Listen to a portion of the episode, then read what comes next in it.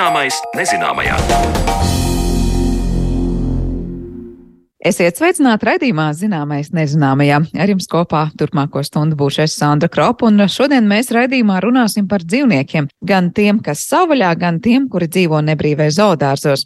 Raidījuma otrajā daļā skaidrosim, kā baro zoodārza iemītniekus, kā noteikt, cik jāpēd žirafei, pērtiķim vai čūskas mazulim un kādi izaicinājumi barošanā ikdienas jāpiedzīvo kopējiem. Bet pirms tam uzzināsim, kāpēc dzīvnieku tā sacīt toaletes var noteikt viņu dzimumu, sugu un citas pazīmes. Ekskrements zīdītāju pētniekam ir visinformatīvākā pazīme, ko dzīvnieks dabā var atstāt. Tā saka Latvijas valsts mežzinātnes institūta Silova vadošais pētnieks Jānis Ozoliņš. Par dzīvnieku mēsliem kā rokas grāmatu mežā viņu iztaujās mana kolēģe Zane Lāce Baltalksne. Ja redzat bumbiņas, tad zināt, te zaķis garām cilpojas.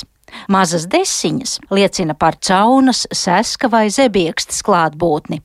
Savukārt spiru kaudzīte pieder kādai stirnai.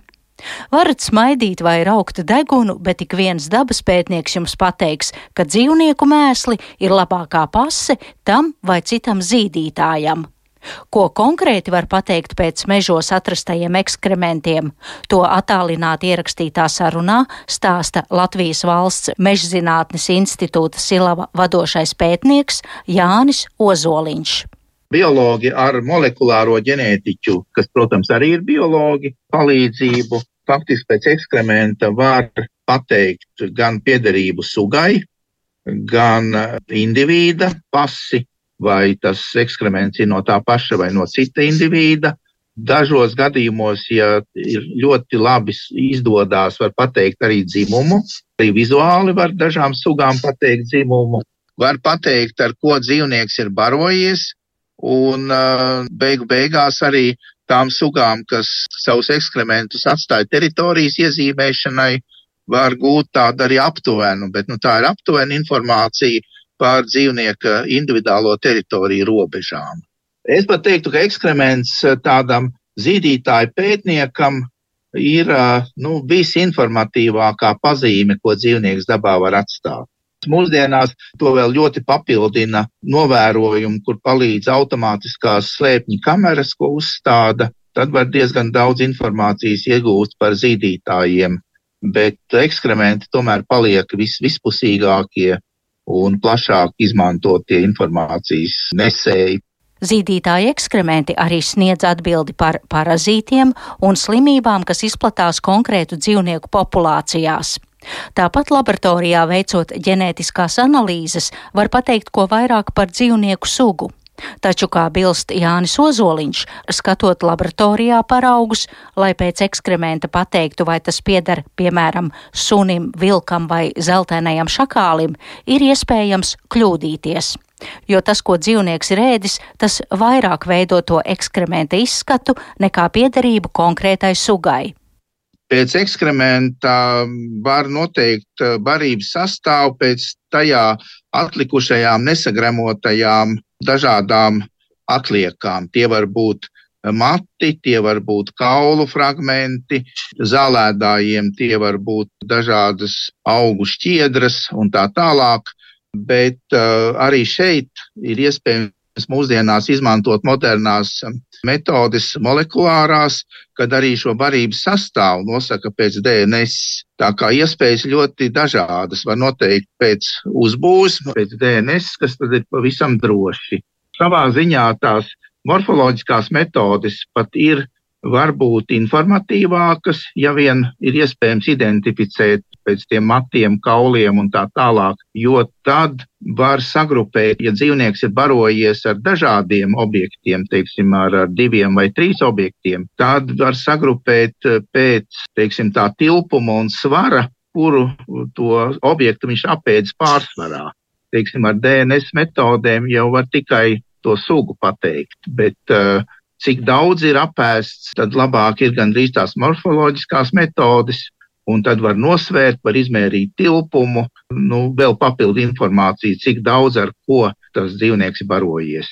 Esmu redzējusi fotoattēlus, man šķiet, ka runa ir par eh, stirnām, un arī par briežiem, un tur atšķiras mātītes un tēviņa ekskrementi. Varbūt vienkārši ir runa par kādiem specifiskiem individiem, vai tā arī ir, ka tiešām pēc dzimuma tas atšķiras? Jā, tā ir, bet uh, arī šeit nav absolūti. Vajag, lai tās spiriņas būtu no tās pietiekoši sausas barības pavasarī, vasaras sākumā. Tie ekskrementi var būt uh, nu, tādi šķidri, vai ļoti mīksti, un tad viņi ir uh, vienādi abiem dzimumiem. Ziemā tas tā nav. Un ziemā parasti ir vairāk tās kokšķiedras, spirās iekšā stirnām, aļņiem, stalbriežiem. Un vislabāk faktiski nu, mums tā no pieredzes šķiet, ka visvieglāk ir atšķirt aļņu spiras pēc dzimumiem, bet šeit nedrīkst nodalīt uh, atsevišķas spiras, jāskatās kaudzi kopumā, jo vienai mātītei, teiksim, vai vienam aļņu būlītim var sanākt arī tādas atsevišķas spiras, kas atgādina tā kā mātītei būtu bijušas. Tad ir jāskatās, cik tai kaudzē ir pārsvarā. Tēviņam raksturīgās, kas ir tādas strupākas, tādas, es teiktu, piramīdveidīgas, vai mātītei, kam ir garas tādas cilindriskas desiņas, bet uh, tiešām kur ir pārsvarā, kura forma tajā kaudzītē dominē. Jo var būt abas, uh, vienam un otram dzimumam, abu formu. Tas morfoloģiskās iz, e, tas izskats ārējais, vai tas ir saistīts ar izvadu orgāniem, ka mātītēm ir savādākas tās zarnas nekā tēviņam? Citādi. Jā, acīm redzot, tas ir saistīts ar pie tam, uh, tā forma izveidojas tad, kad tā spira ir nokritusi, nu, izvadīta pilnībā ārā, nokritusi zemē, jo nu, viņi veidojas pašā tajā izvadīšanas beigās. Jo, ja, ja skatītos, kādas viņas ir zarnās, tad tur ir ļoti līdzīgas, un tur nekādas atšķirības lielas nevarētu saskatīt un, un neatbildīs tam. Tā kā kļūdas arī ir iespējams, tas nav absolūti vienmēr pareizi, bet uh, vairumā gadījumu tā ir, ka tēviņiem ir īsākas, strupākas, tādas ar spicāku vienu galu, otru platāku, bet mātītēm ir garenas un abi gali apmēram vienādi. Turpinot skatīt dabu pēc dzīvnieku mēslu pasēm, atminos, ka reiz veidojot raidījumu par dzīvniekiem, ejot pa mežiem, dabas pētnieki man norādīja uz vilka ekskrementiem, tādiem spalvainiem strempuļiem, kas liecināja, ka vilks ir barojies ar kādu citu dzīvnieku. Vēlāk arī uzzināju, ka tie paši vilki, un ne tikai šie plēsēji, vasarā labprāt mielojas ar ogām, Tad jautājums ir, cik lielā mērā ekskrementi parāda dzīvnieka ēdienkarti.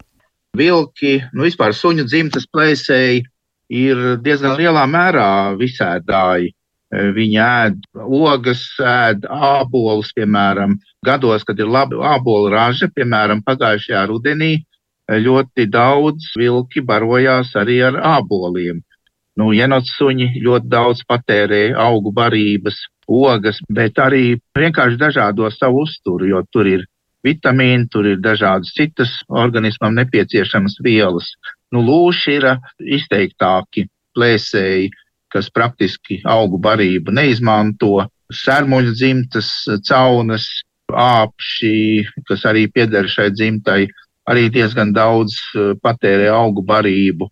No šīs sērmuļu dzimtas viss tā tīrākie gaļēdāji, bet arī ne absolūti ir ūdri, jo viņi tiešām pārtiek no abiniekiem zivīm un, uh, protams, arī kāda putna, kāda zīdītāja. Un es esmu ļoti, nu, faktiski visvairāk pētījis tieši ūdru barošanos savā laikā.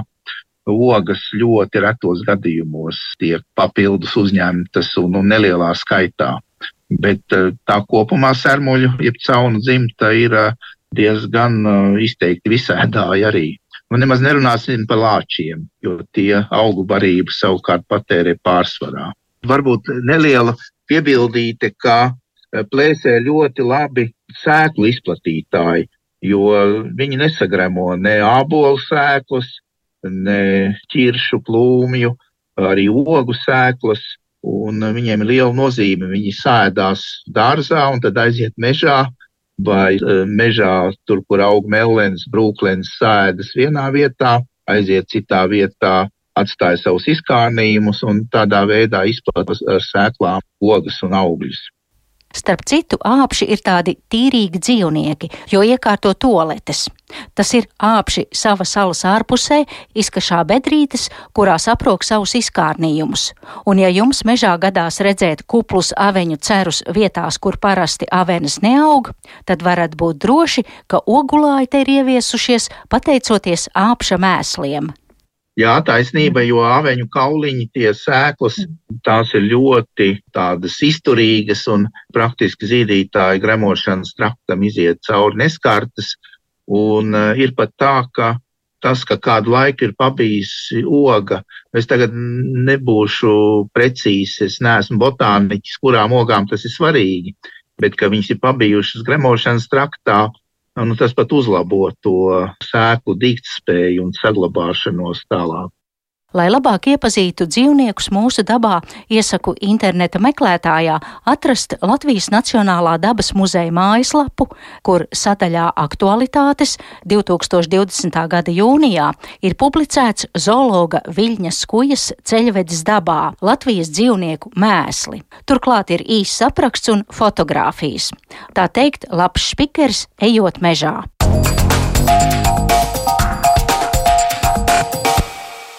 Paldies Zanē Lācē Baltalksnē par sagatavoto stāstu, bet raidījumu turpmāko daļu esam veltījuši zoodārza dzīvnieku daudzveidīgajai un sarežģītajai ēdienkartei.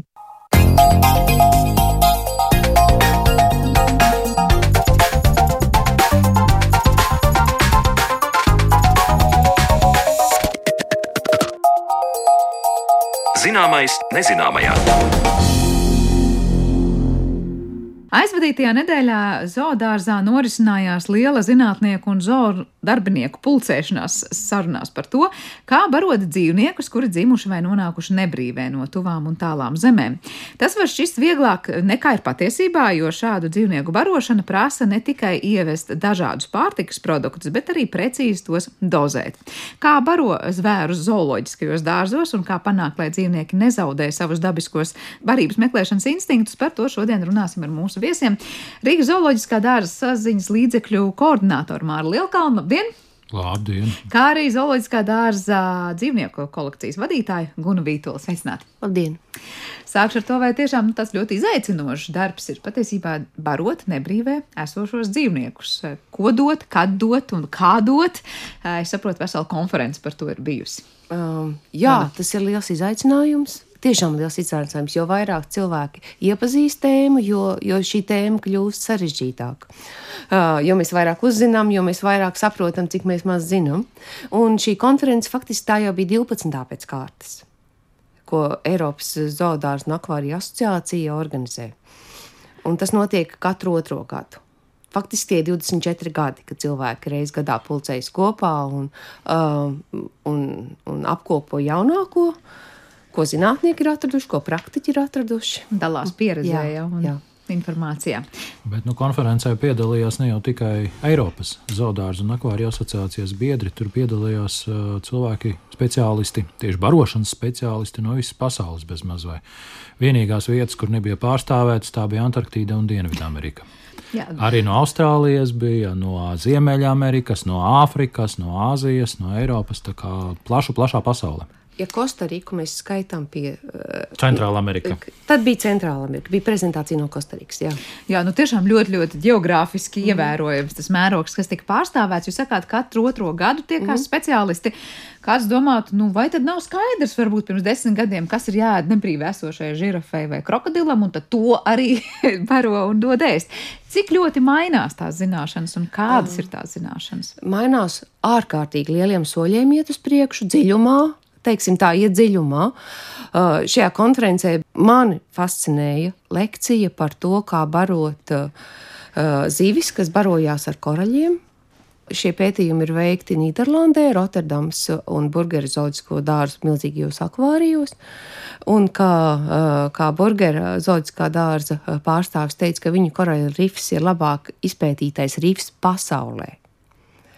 Un uz viņu pētījumu pamata faktiski veidojās sapratne par to, par procesiem, kas notiek ar koraļu rifiem, ar visām koraļu rifu ekosistēmām, ar ļoti dažādām sugām, kas daro, darojas dažādos veidos. Mana, mana atklāsme bija, kad lielai zivju grupai barības objekti ir baktērijas, kas dzīvo korāļu rifos, kaļķu nogulsnēs. Nu, jā, tas, tas, tas ir ļoti pārsteidzoši, kā mūsu, zinā, kā mūsu tehniskās iespējas paver mums iespējas uzzināt vairāk, sīkāk, precīzāk. Un tas nav tikai par, par korāļu rifiem, arī, arī izpratni par to, kas ir nepieciešams tik populāram zoologiskā dārza dzīvniekam kā tīģeriem, piemēram, tik populāriem dzīvniekiem kā žirafēm. Nu, 24 gadu laikā šīs, šī sapratne par to, kas ir nepieciešams, kādā veidā to pasniegt, ir, ir, ir ļoti, ļoti mainījusies. mainījusies ja? Ir kādas lielākās kļūdas, ko mēs varētu teikt, nu, uzskatos, kas valdīja kaut vai pirms 24 gadiem, nu, ko es nezinu, esat pārliecinājušies, ka, lūk, visi barojām nepareizi. Žirafs. 24 gadus atpakaļ visi žirafas baroja nepareizi. Kādā veidā tas notika toreiz? Um, notiek izpratne par to, uh, žirafa ir lapiņētājs pēc būtības, un tas nav nekāds pārsteigums. To katrs Āfrikā varbūt var redzēt. Uh, kā šīs lapiņas kvalitatīvi piedāvāt, uh, kvalitatīvi un arī pietiekamā daudzumā piedāvāt nebrīvēsošiem dzīvniekiem. Tas ir viens, viens aspekts, otrs aspekts, cik ļoti kaitīgi uh, īpaši žirafēm, bet citiem lapiņēdājiem ir cukuroti augļi, piemēram, āboli, cuk banāni, un arī, arī burkāni. Kas, kas liktos taču veselīgi dodam dzīvniekam jā, kaut ko no augu pasaules. Jā? jā, bet tas tā nav, jo dzīvnieku vajadzības uh, atšķirās pēc tā sastāvā. Viņi, kā lapiņādāju vajadzības atšķirās no ogļhidrātiem, tiem, kas ir, uh, tie, kas ir burkānos. Un vēl viena uh, atklāsme, ko es esmu pamanījusi arī vairāku desmit gadu laikā. Uh, dzīvnieku uh, barošanas speciālisti ar vienu uzsver vairāk, ka barības objekti, respektīvi āboli un burkāni, kā populārāk ir to, ko piedāvā cilvēkiem, paliek ar vien saldāki. Jo cilvēki vēlās ar vien saldākus. Cilvēkiem arī tas nav veselīgi. Un būs vēl neveselīgāk, bet zoodisko dārza dzīvniekiem uh, tieši tāpēc, ka komerciāli ražotie āboli un burkāni ir ļoti saldi, viņus izņem no barības devām. Patiesībā vairs nav nemaz tik veselīgi. Zoodārzā, piemēram, barot dzīvniekus ar burkāniem. Mēs lēnā garā ejam prom no šīs prakses. Jā. Māri, kas tev lielākie pārsteigumi varbūt par žirafēm izskanēja? Ne, nu, varbūt, atgriežoties pie žirafēm un burkāniem, nu skaidrs ir jāmēģina saprast to, ko ēd žirafē dabā, nu, un tas arī tiek barots. Un, piemēram, kaut kā es līdz šim vēl neesmu sapratis, kā tie burkāni aug kokos. Ja, un, un, un skaidrs, ka ja viņi tur nav un ja viņi tur neaug, tad arī, protams, ka no ēdienkartē no viņa tas viss ir jāmēģina dabūt ārā. Es arī iedomājos, nu, burkāna un žirafas garais kakls jau vienlaikus, ka laikam dabiskos apstākļos būtu diezgan grūti žirafai baroties ar burkāniem. nē, nē, protams, šie paši burkāni, un tas jau ir tikai neliela, pavisam, pavisam neliela daļa, bet nu, tomēr, tomēr nu, kā redz, arī, arī tas kļūst par daudz. Par tām lapām runājot, es iedomājos, ka žirafs dabā droši vien pašas pie, pie tiem zariem un paņem tās lapas, cik un kā vajag un kā tas notiek. Nebrīvē tās vienkārši tiek tā kā līdzīgi, es nezinu, zāle vai sienas dzīvniekiem Nē, pasniegtas vai kā. Tas ir vēl, vēl viens virziens, kas attīstās ļoti strauji uz priekšu. Dzīvniekiem, kas bar, dabā varbūt pavada 20 stundas, varbūt viņi pavada 16 stundas ēdot vai meklējot barību. Šo barību pasniedz veidā, kas ir lēns, un, teiksim, tīģeriem arī grūti paņemams, grūti noplēšams, lai būtu, lai dzīvniekam būtu uh, nodarbošanās. Lai viņš varētu trenēt muskuļus, kas ir nepieciešami. Žirafa gadījumā tas ir pasniegt lapiņas tādā veidā, lai viņai būtu iespējami daudz un daudzveidīgi jāstrādā ar mēli, kas ir dabiski. Tur ir pat uh, kolēģiem no Česteras zoodārs. Viņi speciāli baro ar akāciju lapām, ar asiem ērkšķiem, kas varbūt cilvēkam no malas liktos nežēlīgi pret uh, dzīvnieku, bet tas ir, uh, tas, ir, tas ir labākais, ko var žirafai pasniegt, jo tad viņai ar šo mēli ir jāstrādā vēl ilgāk. Patiesībā tad viss tas, kas dabīgi būtu jāsaņem, tas arī tiek nodrošināts tādā jā, veidā. Jā. Kas ir, nu, tāpēc jā? arī šī, šai pašai mūsu žirafei mm, šie zari tiek pasniegti ne jau nu, teiksim, uz zemes, bet tie buntais tiek sasieti un pas, uzlieti pie siena, pie, pie voljēra sētas, lai viņa var pietiekami lielā augstumā aizsniegt šos visus, jā, un, un, un, un apēst, un, un, un visa barība arī jau tiek pasniegta augšā, ne jau zemē. Jo no zemes, protams, ka tam dzīvniekam ir uh, grūti paņemt. Arī tas pats lucernas siens un arī tās pašas speciālās granulas, kas tiek pasniegtas, tās tiek pasniegtas 3 metru, 4 metru augstumā. Tā kā tam dzīvniekam vajadzētu būt. Vēl vairāk. Mums ir tādas speciālas barotavas muces, kurās iepilda lucernas sienu, lapiņas un vēl ieliek tādu, um, tādu treniņu bumbiņu, lai viņai būtu ar mēli uh, šī, lai tā bumbiņa traucētu reāli, lai viņai tā barība. Uh, barību viņi, viņi varētu ar mēli satvert iespējami tā kā ilgāk un apgrūtinātāk. Jā. Vēl ļaunāk. Tas ir vēl sliktāk. vēl ļaunāk. Mums ir ne tikai šīs moku mucas, no kuras, eh, pa kurām nu, reāli nu, tas ir mazs caurumiņš, nu, tad 70 cm caurums, pa kuru viņai to 50 cm mēli ir jādabū iekšā. Bet uh, tur vēl ir uh, speciāli kausiņu karos, karotīšu stendi. Ko, ko tie dara? Nu kā, nu tas ir uh, izvietotas uz uh, dēlīša karotītes brīvi, tāda kā karājās, jā. Nu, un tad žirafē ir iespēja ar to savu mēlu trenēties, trenēties un, un, un, un, un šņakarēties un vienkārši izklaidēs to, to savu mēli. Jo, nu, iedomājieties, ja 15, 20 stundas dienā viņš tur strādā dabā ar mēli un uh, tos visus. Uh, Gardumus mēģina dabūt, nu tad skaidrs, ka arī šeit viņai tas pats ir uh, Te mēs nonākam pie jautājuma, ko ļoti bieži cilvēki nu, uzdod, varbūt savstarpējās sarunās, domājot, kas notiek, ka tas dzīvnieks ir nebrīvē. Uh, liekas, nu viņam tā kā viss nav jānomedī vairs tas Jā. ēdiens, viss tiek pienests klāt. Vai viņi kļūst slinkāki, apātiskāki, tur jādomā, lai neaptaukojās vai kā citādi? Jā, protams, barības, barības programmas parādz noteiktus kaloriju skaitu un, un noteikti daudz daudz stingrāk nekā cilvēki izturās pret sevā, savām kalorijām vai savu bērnu kalorijām saņemtajām. Kalorijas ir svarīgi, bet ir arī svarīgi sastāvs, obaltumvielas, ogļhidrāti, šķiedrvielas, katrai vitamīni, minerālvielas un katrai dzīvnieku grupai tas ir ļoti, ļoti citādāk. Konferencē es uzzināju, cik uh, skudrulāčiem svarīgi ir nesaņemt D vitamīnu ka D vitamīna pārdozēšana rada uh, mugurkaula pārkaļķošanos. Tas ir, tas ir ļoti liela problēma. Un daudzas lietas, kas, kas varbūt nav ar lielām, lielajām produktu grupām saistītas, bet ar, ar nelieliem daudzumiem, kam tas... ir nozīme. Es saprotu, tās ir tās granulas pieminētās, kurās tad būs jau tas sabalansētais. Tur viss um, daudzums, gan ogļhidrāti, gan olbaltumvielas, gan vitamīni. Vai tas ir tas ir, tas ir, kat, tas ir faktiski katrai dzīvnieku grupai, un pat arī ir, ir sugas, kurām ir atsevišķi. Ir sugas, kurām šīs komerciālās barības vēl nemaz nav izstrādātas, kurās joprojām uh, praktiķi taustās. Un tā kā dalās, uh, es baroju tā, es baroju šā, un kādi ir mani, kādi ir mani rezultāti, ko jūs pamanījāt.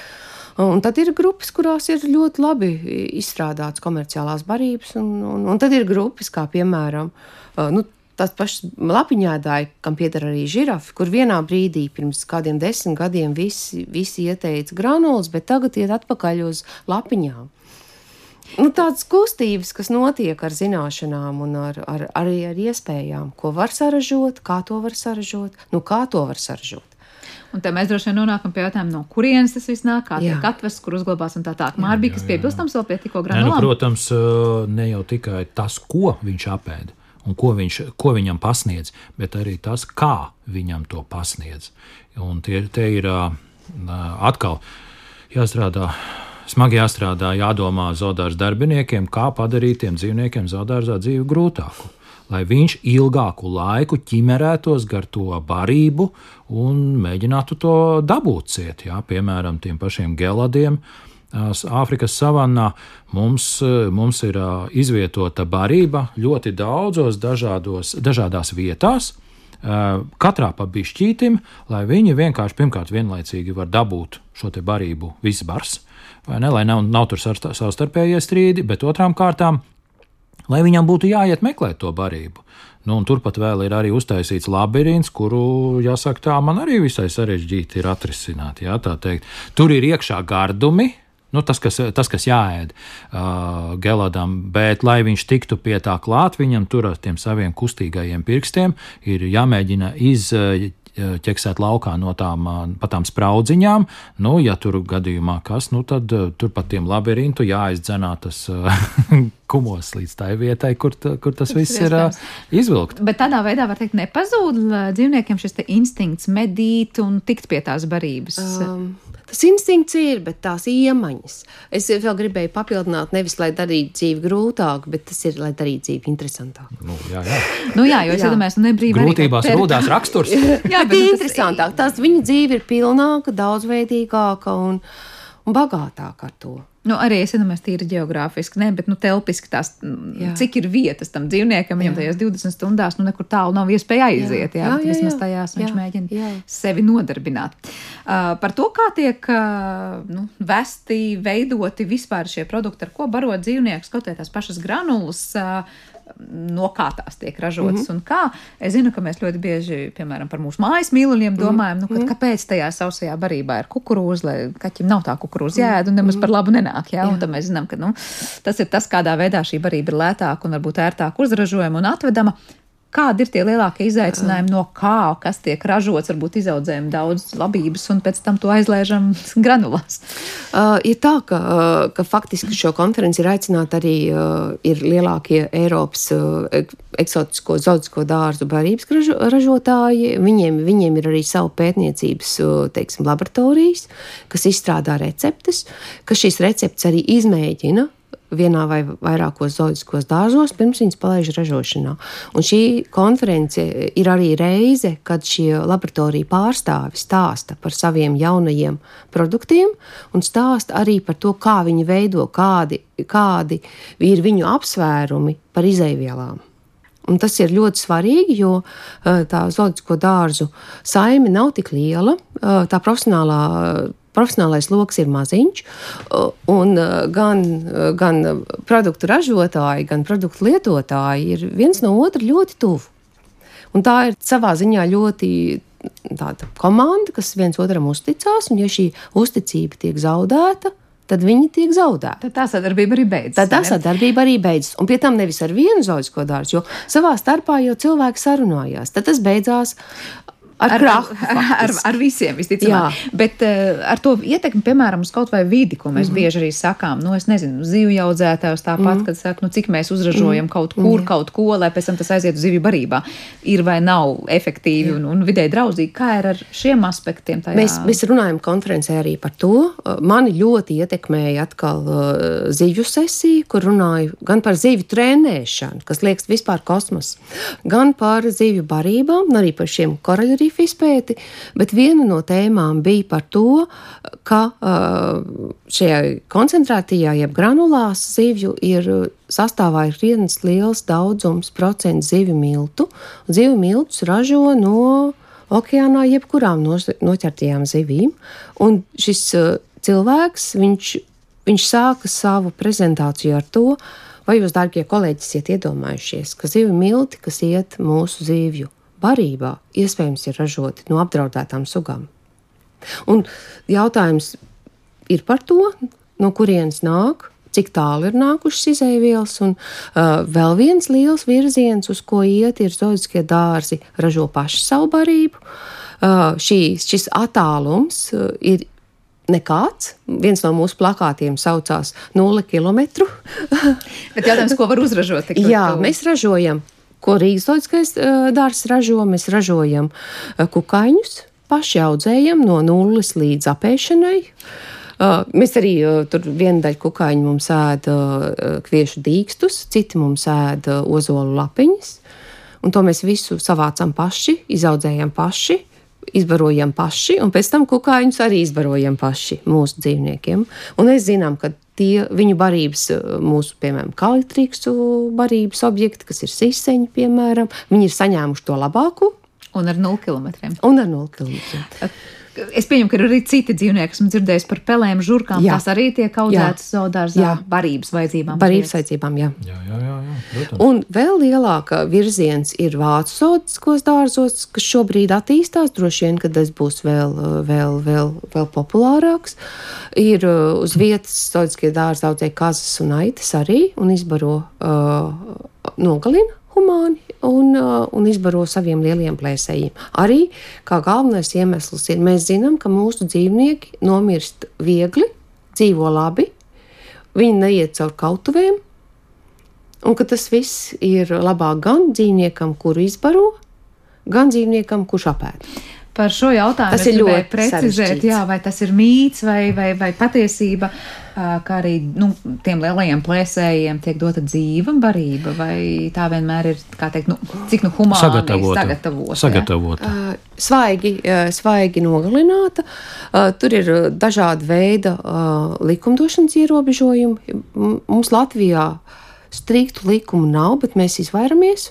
Mums ir atsevišķi gadījumi, kur ir uh, manuls, kas varbūt saņem kādas spēles no, nomedīšanai, mūsu pašu izaudzētas. Bet tie ir atsevišķi gadījumi. Uh, tas noteikti nav tīģeri, kas tīģeri noteikti nesaņem kazlēnus vai kazas. Uh, vilki saņem jau, jau nogalinātu barību. Un, un lielākoties uh, Eiropā tas ir aizliegts izbarot dzīvus mugurkauniekus citiem dzīvniekiem. Kā tas ir mīts vai aizgājušo laiku kaut kādā Varbūt, varbūt ka tas ir mīts. Var jau būt, ka ir arī uh, zooloģiskie dārzi, jau nav arī ļoti. Tie, kas ir akreditēti, tie ir ļoti regulētas iestādes. Tie, tie zooloģiskie dārzi, kas nav, tik, uh, kas nav akreditēti, tie, tiem tās prakses arī var būt dažādas. Kas ir tie peļu un žurku ēdāji Rīgas zoodārzā, speciāli audzēto, kas, kas ir tie patērētāji? Nu, tas, kurš ēd atbilstoša lieluma gaļu, ieskaitot uh, arī vārdes, rāpuļi dažādi. Tas pats manuls. Viņš tāds liel, nu, ne- nepārāk liels, pūkains kaķis no, no, no Putni arī ir taisīgi. arī Pūcis. pūcēm vajag, jā, tā kā. Bet arī šīs te peļu žurkas tiek nogalināts un tad iedodas. Mums ir jā? eitanāzijas aprāts, uh -huh. kas ir faktiski ar uh, oglekļa dioksīdu. Tātad šādā veidā dzīvnieki saņem to savu kā dabiskajā vidē notveramo barību, bet Jā. nu, jau var teikt sagatavot Jā. pienācīgi. Jautājums, kur Lat Rīgā, Rīgas zooloģiskajā dārzā, jūsuprāt, ir tie visgrūtāk barojamie dzīvnieki vai visizaicinošāk barojamie dzīvnieki? Un tad es nezinu, kādu aspektu dēļ, vai sagatavošanas dēļ, vai, vai, vai receptūras Patiesībā dēļ. jau jāsaka tā, to, to, to teicienu var attiecināt uz jebkuru gandrīz. Jo katram dzīvniekam ir savas nianses. Katram tur var būt uh, izmaiņas barības racionā, tā teikt, bar, e, porcijā atkarībā no vecuma, no gada laika. Vienā pavasarī viņam vajag to, puz- vasarā vajag to, trešā, tai, tai rudenī atkal vajag kaut ko citu. No dzīvnieka vecuma, no dzīvnieka uh, arī dzimuma, no enerģijas, tā teikt, patēriņa. Jā. Nu, tad, piemēram, ja ir Teiksim- barojoša mamma, viņai noteikti būs cits uzturs Nu, nekā jā, nebarojošai gatavojoties rudenim, nu, mūsu dzīvnieki arī gatavojās rudenim. Nu, tad tam pašam ziemeļbriedim vajag lielāku porciju. Un, un kamielim vajag lielāku porciju. Tā kā tur katram dzīvniekam ir dažādas nianses, un tā patiešām dzīvnieku barošana. Tā patiešām ir zinātne, kas visu laiku mainās, kas attīstās un, un, un, un kur mm, notiek attīstība. nav tik vienkārši. Pētījumi un realizācija. Cik bieži un daudz ēd dzīvnieku? Es pieņemu, nu, mēs zinām, cik mēs katrs kā cilvēki ēdam, mm. katru dienu, cik reizes, kuri dzīvnieki ēd vairāk, kuri mazāk, kuri jābaro dažas reizes nedēļā. Nu, ir tā, ka tā grūti tā uzreiz nepateiktu tādās milzīgās grupās, plēsēji, plēsīgie dzīvnieki. Un tas ir atkarīgs arī no dzīvnieku izmēra. Jo, piemēram, lielie, lielie plēsēji, kas ir lauvas un tīģeri, viņi var ēst retāk. Savukārt mazie plēsēji, kas ir manuls, piemēram, viņiem ir jāēd katru dienu. Līdzīgi ir čūskas, piemēram, viņas var ēst varbūt reizi mēnesī, kā tu- milzīgās čūskas, teiksim, kādu trusi. Bet ir arī, ir arī tikko, tikko izšķīlušās čūskas, kurām jāēd ir katru dienu. Trusi tai mazajai čūskai nevar iebarot. Es gribēju prasīt, Tur ir mazi mazā? sīki, sī, mag, mazas sīkas uh, barības. Nu, Vienības. Tā, vienības jā, kuras ir uh, bieži jāpasniedz. Bet kas ir tas, ko viņi sēd? Nu, ja trusis tas nav, tas ir kas. Mazus gan pelēnus. Pelēni, protams, gan arī kaut kādi tiksim, zivju gabali, varbūt tās vai, vai, vai kas cits. Un, Dažam kukaiņi jāpiedāvā, tā kā mm. tur ir arī daudz dažādi. Katram pēc vajadzībām. Vai nākas novērot, ka arī dzīvnieku pasaulē ir tāds garšo, negaršo kategorijas, ka jā, liekas, nu, būtu jāēd, ir, bet nē. Ir, un dzīvnieku kopēji, kas saka, viņš skatās, viņam gribās vēl, nu viņam taču gribās. Un tad mums ir apmeklētāja daļa, kas saka, dzīvnieks pats zina, kas viņam ir nepieciešams, tikai dodiet. Un tās ir pilnīgas muļķības. Pilnīgas muļķības. Un tad viņš pāēdās to lielo kaudzi ar burkāniem, kas, kas tiek piedāvāti vai kāpostiem vai āboliem. Es jau tikai ābolīti un vienu tikai, jā, rindiņā stāv. Desmit, Vesela virkne, vēl pēc stundas citu, jā. jā, un viņš jau zina, ko viņš, viņš jau neēdīs, ja viņš vairs negribēs. Tā nav. Tas ir tāpēc, ka dzīvniekiem arī šis ieradums, vai es nezinu, kāpēc dzīvnieks ēd no svešiem cilvēkiem to, ko viņam dod, kas viņam nebūtu jāēd. Bet ja tas ir garšīgs, piemēram. Tas cukurotais, tas ugļhidrāts, tas Vilina tāpat kā cilvēks. Tāpat jā. kā cilvēks, jā. Bet nelaimē jau ir tā, ka jā, to tiem burkāniem un, un, un āboliem un tam līdzīgi viņš saņem kaut kādas, protams, barības vielas, viņš pieliek to vēderu pilnu un saucās paēdis. Un tā rezultātā viņš uzņem tikai vienu daļu no visa nepieciešamā, bet to visu pārējo, kas viņam ir salikts bludiņā, kas viņam ir jāpēd, to viņš vairs neapēd. Un līdz ar to ilgstoši tad vienā ir pārprodukcija, otrā ir baigais trūkums, un rezultātā nu tad. Nu, ir ar dzīvniekiem un ogļhidrātiem, tas ir saldiem augļiem un arī saldiem dārzeņiem. Ir tā, ka ir dzīvnieku grupas vesels, kam ir ļoti svarīga parodontozes profilakse kur ir, kur ir grupas, piemēram, tie ir mazie pētiķīši, galāgo, piemēram, kur pirms 20 gadiem barībā bija ļoti daudz augļu un salti augļi. Un lielākā nebrīvs problēma bija, bija zobu izkrišana. Un tagad ir nu, šo 20 gadu laikā ir ļoti, ļoti mainījusies prakse. Viņi daudz, ļoti daudz saņem kukaiņus, kas ir tālu no saldiem ābolīšiem. Uh, tad viņiem ir tāda speciāla sveķi, uh, kas ir gan ar, gan ar obaltumvielām bagāti, bet kas, kas arī darbojās kā zobu tīrīšanas līdzeklis. Uh, žirafēm arī pagātnē, un vēl joprojām vecākajām žirafēm, kas ir sākušas savas uh, dzīves gaitas pirms kaut kādiem 11 gadiem, liela problēma arī ir parodontos un zobu stāvoklis. Un tas ir tieši saistīts ar uh, ogļhidrātiem bagātas barības došanu. Tā kā tā ir skaidrs viens, ka pat zoodārzos, mm, ja piedāvā dažkārt ko šo lūk mm, dzīvniekam veselīgo nosacītu produktu, patiesībā nav apmeklētājiem pilnīgi ne ar ko jābaro dzīvnieks, tas ir jāatstāj profesionāļu uh, ziņā, jo tas tiek īpaši kontrolēts, uzraudzīts un Jā. pētīts. Jā, un vēl ir tas, ka mums šobrīd mūsu institūcija to saskarās ar to, ka mums, kad Latvijā tieši, un droši vien, kad Baltijā vispār,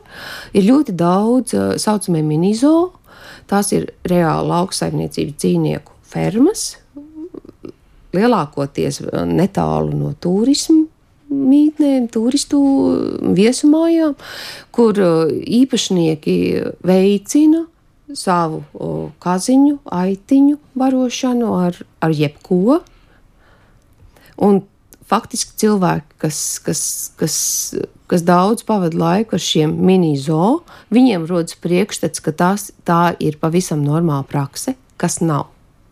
Arī šīm kaziņām un aitiņām ēst 30, teiksim, tā vasaras sezona, 3x30 dienas maizi katru dienu. Viņas pēc tam nokauj. Un nākošā sezona sākās ar nākošām kaziņām un aitiņām.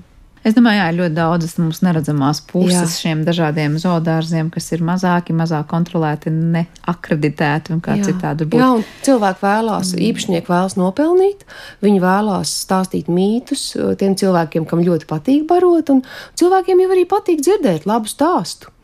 Nu, ir saprotams, tas, ka cilvēkam gribas barot, jo liekas, ka tajā brīdī tu dari labu un jā. ir skaisti. Tas jā. dzīvnieks pienāk tuvāk, jā. un tu nācis to apskatīt, bet tiešām laikam tā izglītošanās pašiem būtu svarīgākais, vēl ko jau, likt aiz auss. Jā, vēl, jau, vēl jau viena lieta ir arī tas daudzums.